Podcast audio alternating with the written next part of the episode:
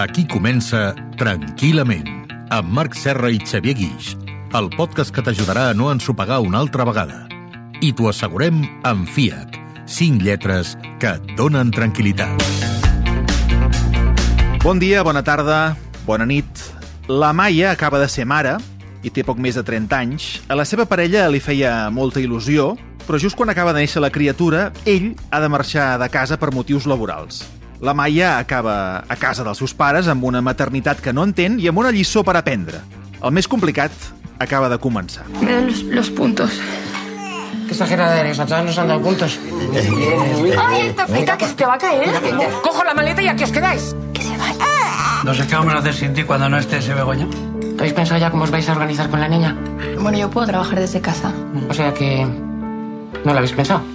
És l'argument de l'aclamada Cinco Lobitos, una cinta que posa damunt la taula que ser pare o mare és molt bonic, però que comporta moltes complicacions econòmiques, emocionals i psicològiques, que és el que a nosaltres ens pertoca. La Maia ha de cuidar d'una criatura que li és estranya, ha d'aguantar els consells dels seus pares i tot plegat sense oblidar que ella continua sent filla. Per moltes parelles, enfrontar-se a totes aquestes dificultats acaba sent massa i decideixen no tenir fills. I un munt de dones han de veure's assenyalades quan pronuncien una frase que encara fa molta por. No vull ser mare. Xavier Guix, benvingut. Hola, què tal? No vull ser mare. Ui. Hi ha, hi ha gent, hi ha dones, no vull ser pare, també es També, podria també, dir, també, es podria sí, dir, sí, eh, sí. la paternitat també toca en aquest cas. Eh, quan sona aquesta frase en un grup d'amics, en un dinar de família, en una festivitat important, eh, els ciments, eh, l'any 2023, Sí. encara es belluguen. Sí, sí, sí. Encara hi ha un terrabastall, Sí. hi han moltes mirades, i hi ha un seguit de problemes i de perjudicis, dels que ara parlarem, als quals s'enfronta una dona, una persona, que diu no vull ser mare. Sí. De seguida en parlarem, però per què arribem al 2023 a aquest tipus de prejudicis i de problemes per dir una cosa que sembla que socialment mica en mica es va acceptant, però encara costa molt. Bé, com tu molt bé dius, eh, tot el que és social-cultural és d'una enorme influència, té un condicionament a la vida de les persones i, per tant, donem per fetes moltes coses. Ens, ens sembla que són naturals. Perquè han sigut sempre així. Perquè han sigut sempre així. Sí. I a més a més perquè probablement en el nostre entorn més immediat, i en aquest sentit mares, per exemple, no, ja no, no, no diré pares, mares, eh, ja t'han educat el dia que tu tinguis fills. Perquè el dia que tu tinguis fills. Tots som fills de les nostres mares, o com a mínim la majoria de gent en aquesta, diguem-ne, convenció de pare, mare, en fi, eh, eh, és evident que sortim d'on sortim, però en aquestes relacions eh, sembla que d'alguna manera quan ets petit, no? Sí. Eh, tens aquesta estructura familiar pel damunt que és Exacte. incontestable. Incontestable i que està naturalitzat. I aleshores, quan tu feies aquesta pregunta, efectivament, doncs la resposta només pot ser aquesta. Hem naturalitzat formes de viure, hem naturalitzat coses que venen de lluny i en aquest sentit una societat com la nostra ha donat molta importància al tema familiar, saps que venim d'una cultura jueu-cristiana que li ha donat a la família com a tal, la sagrada família, no? li ha donat un sentit de realització absolut i per tant qualsevol home o dona de bé evidentment s'ha de dedicar a ser, doncs, eh, a portar fills a la vida, i com més millor. Ja ho has dit tu, per ser dona de bé. Per ser dona de bé, perquè està... Per ser una dona vàlida. Exacte, per ser associat a la realització absoluta. Aleshores, nena, no hi ha res millor a la vida que tenir portar fills al món. Si una, no dona, no, si una dona no té fills, eh, passa Aleshores, alguna cosa. Clar, i aleshores ja ets, ja ets, no ets d'aquest món, Sí. i per tant, doncs ja... Bueno, tens, tens una tara, Eh, tens un exacte. problema, no està realitzada del tot, Sí, eh, sobretot- tens, tens una missió Exacte. que no has complert. Té- Sobretot això, eh? no, no, no ets d'aquest món, és a dir, no, no ho has entès bé, això. No ho has entès bé. Per tant, Portem generacions explicant-ho, però just tu no Exacte, ho has no, entès. tu no ho has entès bé, perquè, escolta'm, al final a la vida, al final, eh, llavors et, fa, et passen comptes i et diuen, al final a la vida, el més important són els fills. Allò que tu hagis portat a la vida. I aleshores queda aquest missatge, és un missatge gruixut com a tal, i per tant té un pes específic que llàstima que ara som tu i jo no som dones per poder-ho mm. explicar des de la perspectiva femenina, eh, i en aquest cas doncs és així, el programa és així, i per tant ho hem d'observar nosaltres des de la perspectiva, sobretot aquesta social-cultural, però també perquè tenim referents de, i testimonis, jo els he tingut a la consulta i m'han vingut a consultar, entre altres coses, per temes d'aquest tipus, no? I, i recordo, pues, un exemple, per exemple, dues senyores que les dues venien de relacions normals, entre cometes, Sí, que vol dir estàndards, el cada que una és, tenia sí, el la seva parella, Sí. es van conèixer, es van enamorar entre elles, van fer-se parelles, però, tot i així, van voler tenir una criatura. I això els va portar algun problema, que el van resoldre bé, però els va portar algun problema, perquè una volia, l'altra no. Per tant, eh, això és- és un tema que, eh, diguem-ne, hi ha un punt d'una norma respecte per la decisió personal, perquè és una decisió personal, Però en aquest, en aquest punt no hi ha respecte per la decisió personal. No, no, El- el, el, el- els de fora, els de fora, Ah, eh? sí, sí, Jo no, dic, els sí. de fora, respectar la decisió personal. I, evidentment, la persona que es troba en la situació haurà de superar la gran prova definitiva, que és superar la naturalització social de l'instint matern. Deies molt ben dit, i això en som plenament conscients, que som dos, dos homes, dos senyors, parlant de, de No vull ser mare, tot i que ja he fet abans el matís que es podia incloure No vull ser pare. També, també, sí. Entrem en una altra divisió, després també en parlarem. Sí, però fixa que amb els homes, mm. Lo de no tenir fills, no, no mira, s'ha dedicat a la feina, ha Això està tingut, ben vist. Eh? Fins i tot fins i tot ben acceptat. Ben acceptat. És a dir, No- no ha tingut fills. No ha tingut És un home fills. via- és un viatger. viatger, amb tota la vida Sí que- ha sí que tingut tens molta raó. feina. Sí que els, els que estan abocats a temes que s'han entregat molt a la Sí. seva passió. I el tema dels fills, mira, tu, sí, per tenir fills així de qualsevol manera també ja, ja val més que no els tinguin. Com, Cosetes quin gir, tipus. no?, eh, quan es parla de l'home. És, és curiosíssim. Això ho arrosseguem encara, eh? Sí, Encara ho arrosseguem. No, aquest ha fet, fins i tot això, el que dius, eh? ha fet ben fet de no tenir fills. perquè Exacte. Vés a saber, no? Vés a saber, aquest- Com els hauria Ah, cuidat, això què és el que haurien fet, no? Com, com canvia la perspectiva de gènere. Et deia, eh, som dos senyors parlant de, de No vull ser mare, però precisament per intentar tenir un altre punt de vista del qual també parlarem, m'agradaria que escoltéssim entre tots plegats a la Laura García Andreu, és guionista, és la codirectora d'un documental que us recomano, que es diu Motherhood, un documental que podreu trobar a la carta, eh, concretament a la carta de Ràdio Televisió Espanyola, és un documental que parla precisament dels estigmes i dels problemes de les dones que no volen ser mares, i ella, en una conversa TED, la Laura García Andreu, fa aquesta reflexió. ¿Y si os dijera que el llamado instinto maternal no es en realidad un instinto? Porque un instinto es algo automático que no se puede modificar y que tiene que estar presente en todos los miembros de la especie. Si ese instinto que supuestamente nos impulsa a las mujeres a querer tener hijos existiera, yo cuando cumplí los 14, que es cuando me bajó la regla, habría tenido unas ganas irrefrenables de tener un hijo. Y esto no fue así. Cuando pensamos en optar por los métodos anticonceptivos o cuando tomamos eh, una decisión sobre si es la pareja adecuada con la que estamos, si la situación económica es la buena en ese momento, es evidente que no estamos respondiendo a un instinto, sino que estamos tomando una decisión como seres racionales que somos. Una vaca no decide si quiere tener hijos o no, pero las mujeres sí.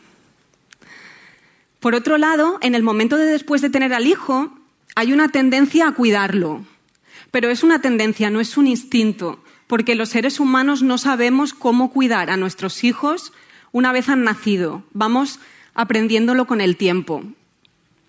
Lo que sí que se ha descubierto es que hay una hormona que se llama oxitocina que aumenta en las madres una vez que se ha tenido al hijo. Y esta hormona tiene que ver con el vínculo de cuidar.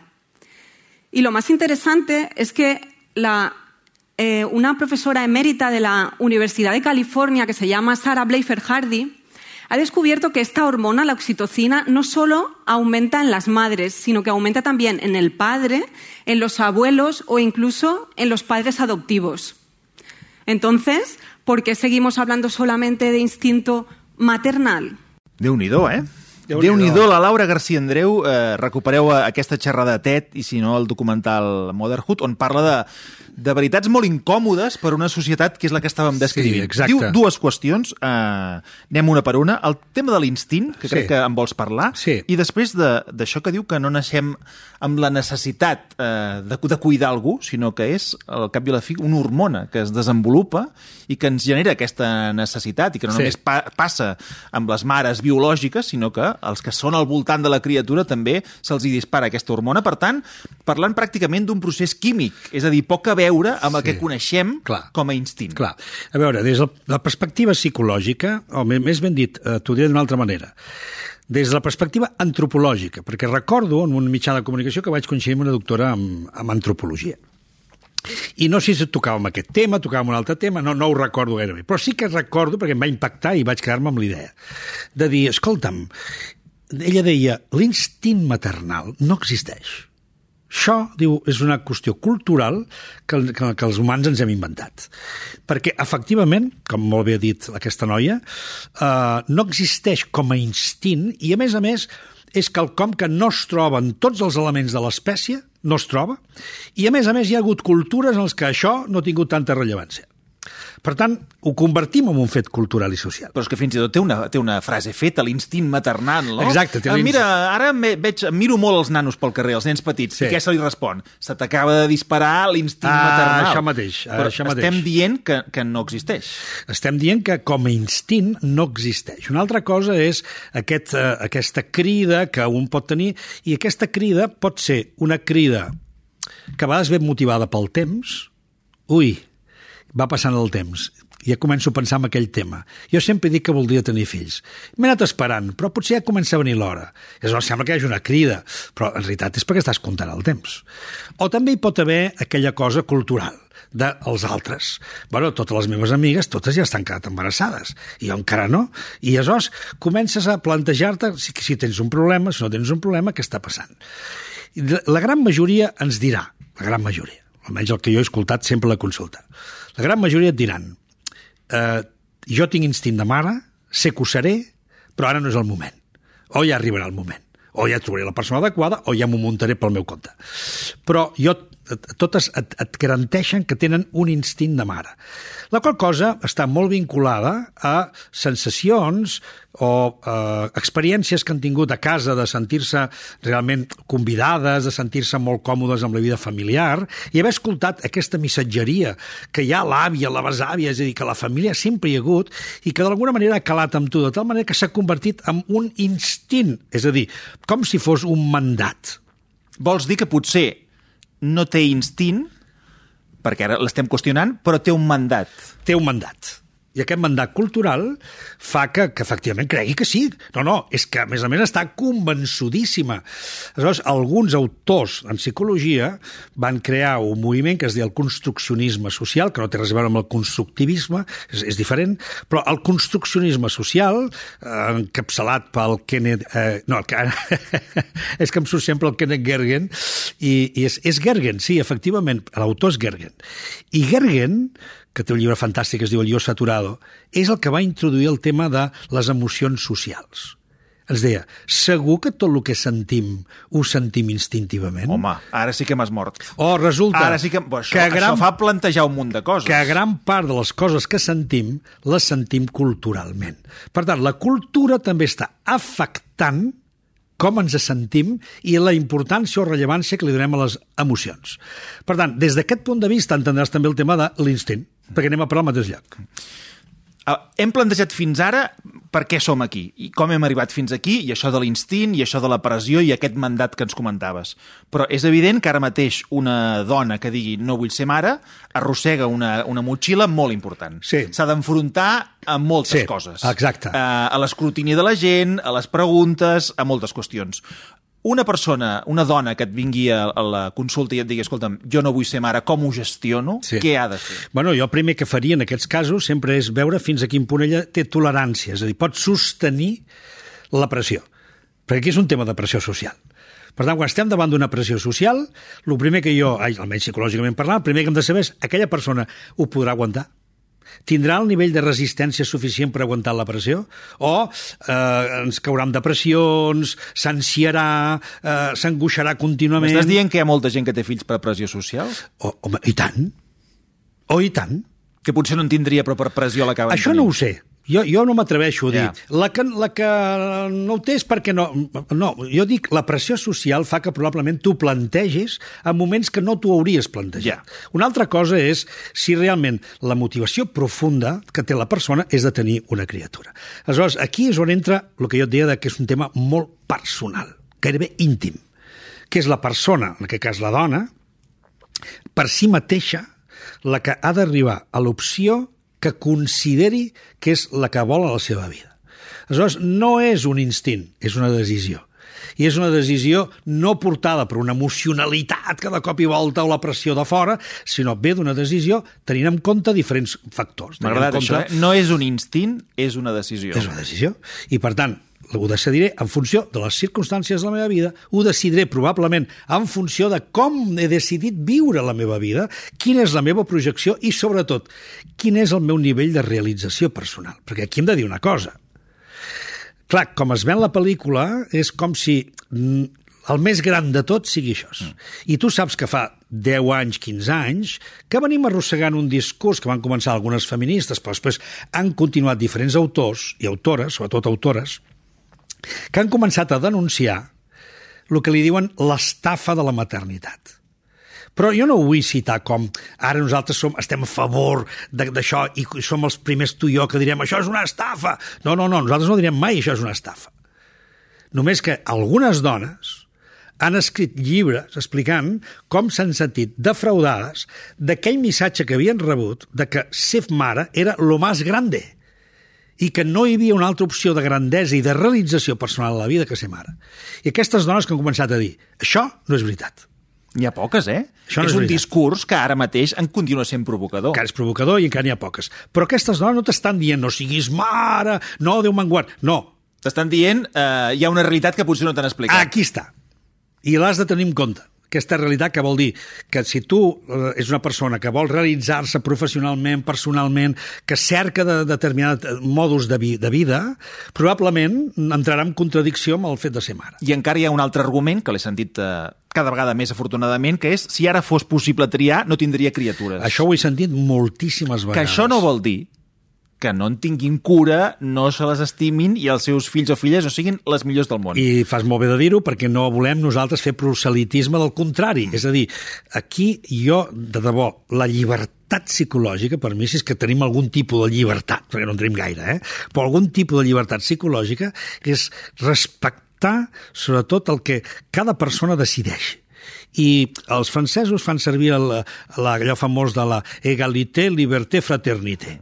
Però això té una explicació, que és égalité en la justícia,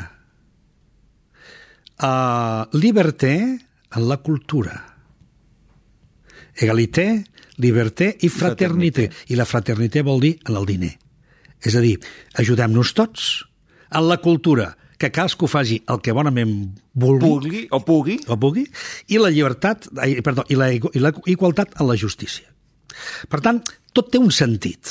I en aquest sentit, la llibertat és molt important que sigui respectada 100%, perquè ningú pot decidir per un altre individu. I si una, en aquest cas estem parlant d'unes dones, decideixen per elles mateixes, per tot el que hem dit, que la seva vida no vol que passi per aquí, doncs s'ha de respectar i no cal que se li dongui l'atribució de que està fent com una mena de pecat universal perquè no està complint amb el seu deure universal inequívoc de la natura de ser mare.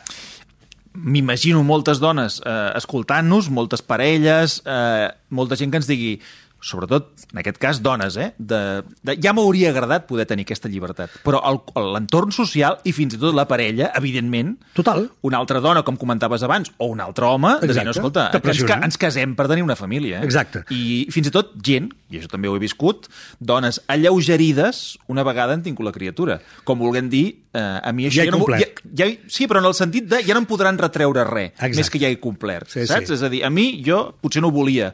Volies una criatura, aquí la tens. I a partir d'aquí, mm, veurem. Bueno, interessant, ja veus que, Molt interessant, ja molt veus que el tema dona per molt, Molt i, que, i que donaran els pròxims anys, donarà molt de què parlar, però que per mi ha d'acabar en aquest calaix que deia de la cultura i de la, i de la llibertat. Escolta'm, que sigui mare qui vulgui ser mare, però sobretot que si, si ho vol ser, que ho sigui.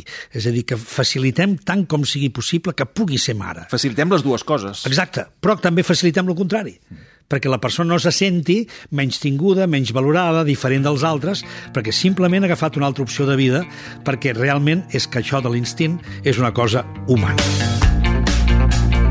Els apunts del Tranquil·lament. Com fem aquesta temporada, és moment pels apunts, moment perquè el Xavier Guix ens digui amb quines qüestions ens hem de quedar d'aquesta conversa que té moltes capes avui. Mira, m'he apuntat uns 4 o 5 punts. El primer de tots, com dèiem ara, l'instint matern és qüestionable primer de tot. El segon, la cultura té molt de pes i ens condiciona, però mai ens determina. La determinació vindrà al final d'una decisió que ha de prendre la persona. I aquesta decisió l'ha de prendre en funció de respectar la seva condició de vida, quin sentit té per ella la vida i li vol donar la vida i per on vol realitzar o assolir la seva realització personal. I que la vida familiar és una forma de viure, és una forma de donar sentit a la vida i és un estil d'estimar i de crear, però no és l'únic. Xavier, moltíssimes gràcies. A vosaltres. Fins una altra. I fins aquí, tranquil·lament, amb Marc Serra i Xavier Guix, el podcast que t'ajudarà a no ensopegar una altra vegada. I t'ho assegurem amb FIAC, cinc lletres que et donen tranquil·litat.